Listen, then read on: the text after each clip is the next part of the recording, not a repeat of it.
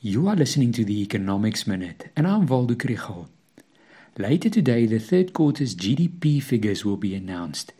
It is Statistics South Africa's measure of the total value of all the final goods and services produced in South Africa in July, August, and September. Economists often talk about the impact of events on the economy, but it's harder to predict than we make it sound and the official data is usually only available months later. The impact of the coronavirus and lockdowns, and specifically the recent Omicron variant, is such a challenge.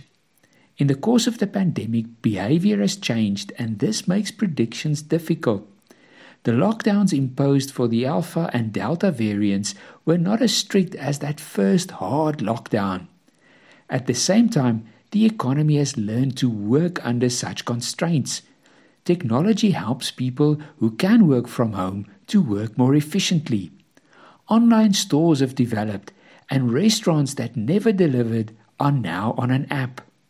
And then more people are vaccinated and have a smaller chance of getting seriously ill. So we cross our fingers. If we can keep the economy going through riots, load shedding, and strikes, we'll make it through the fourth wave as well.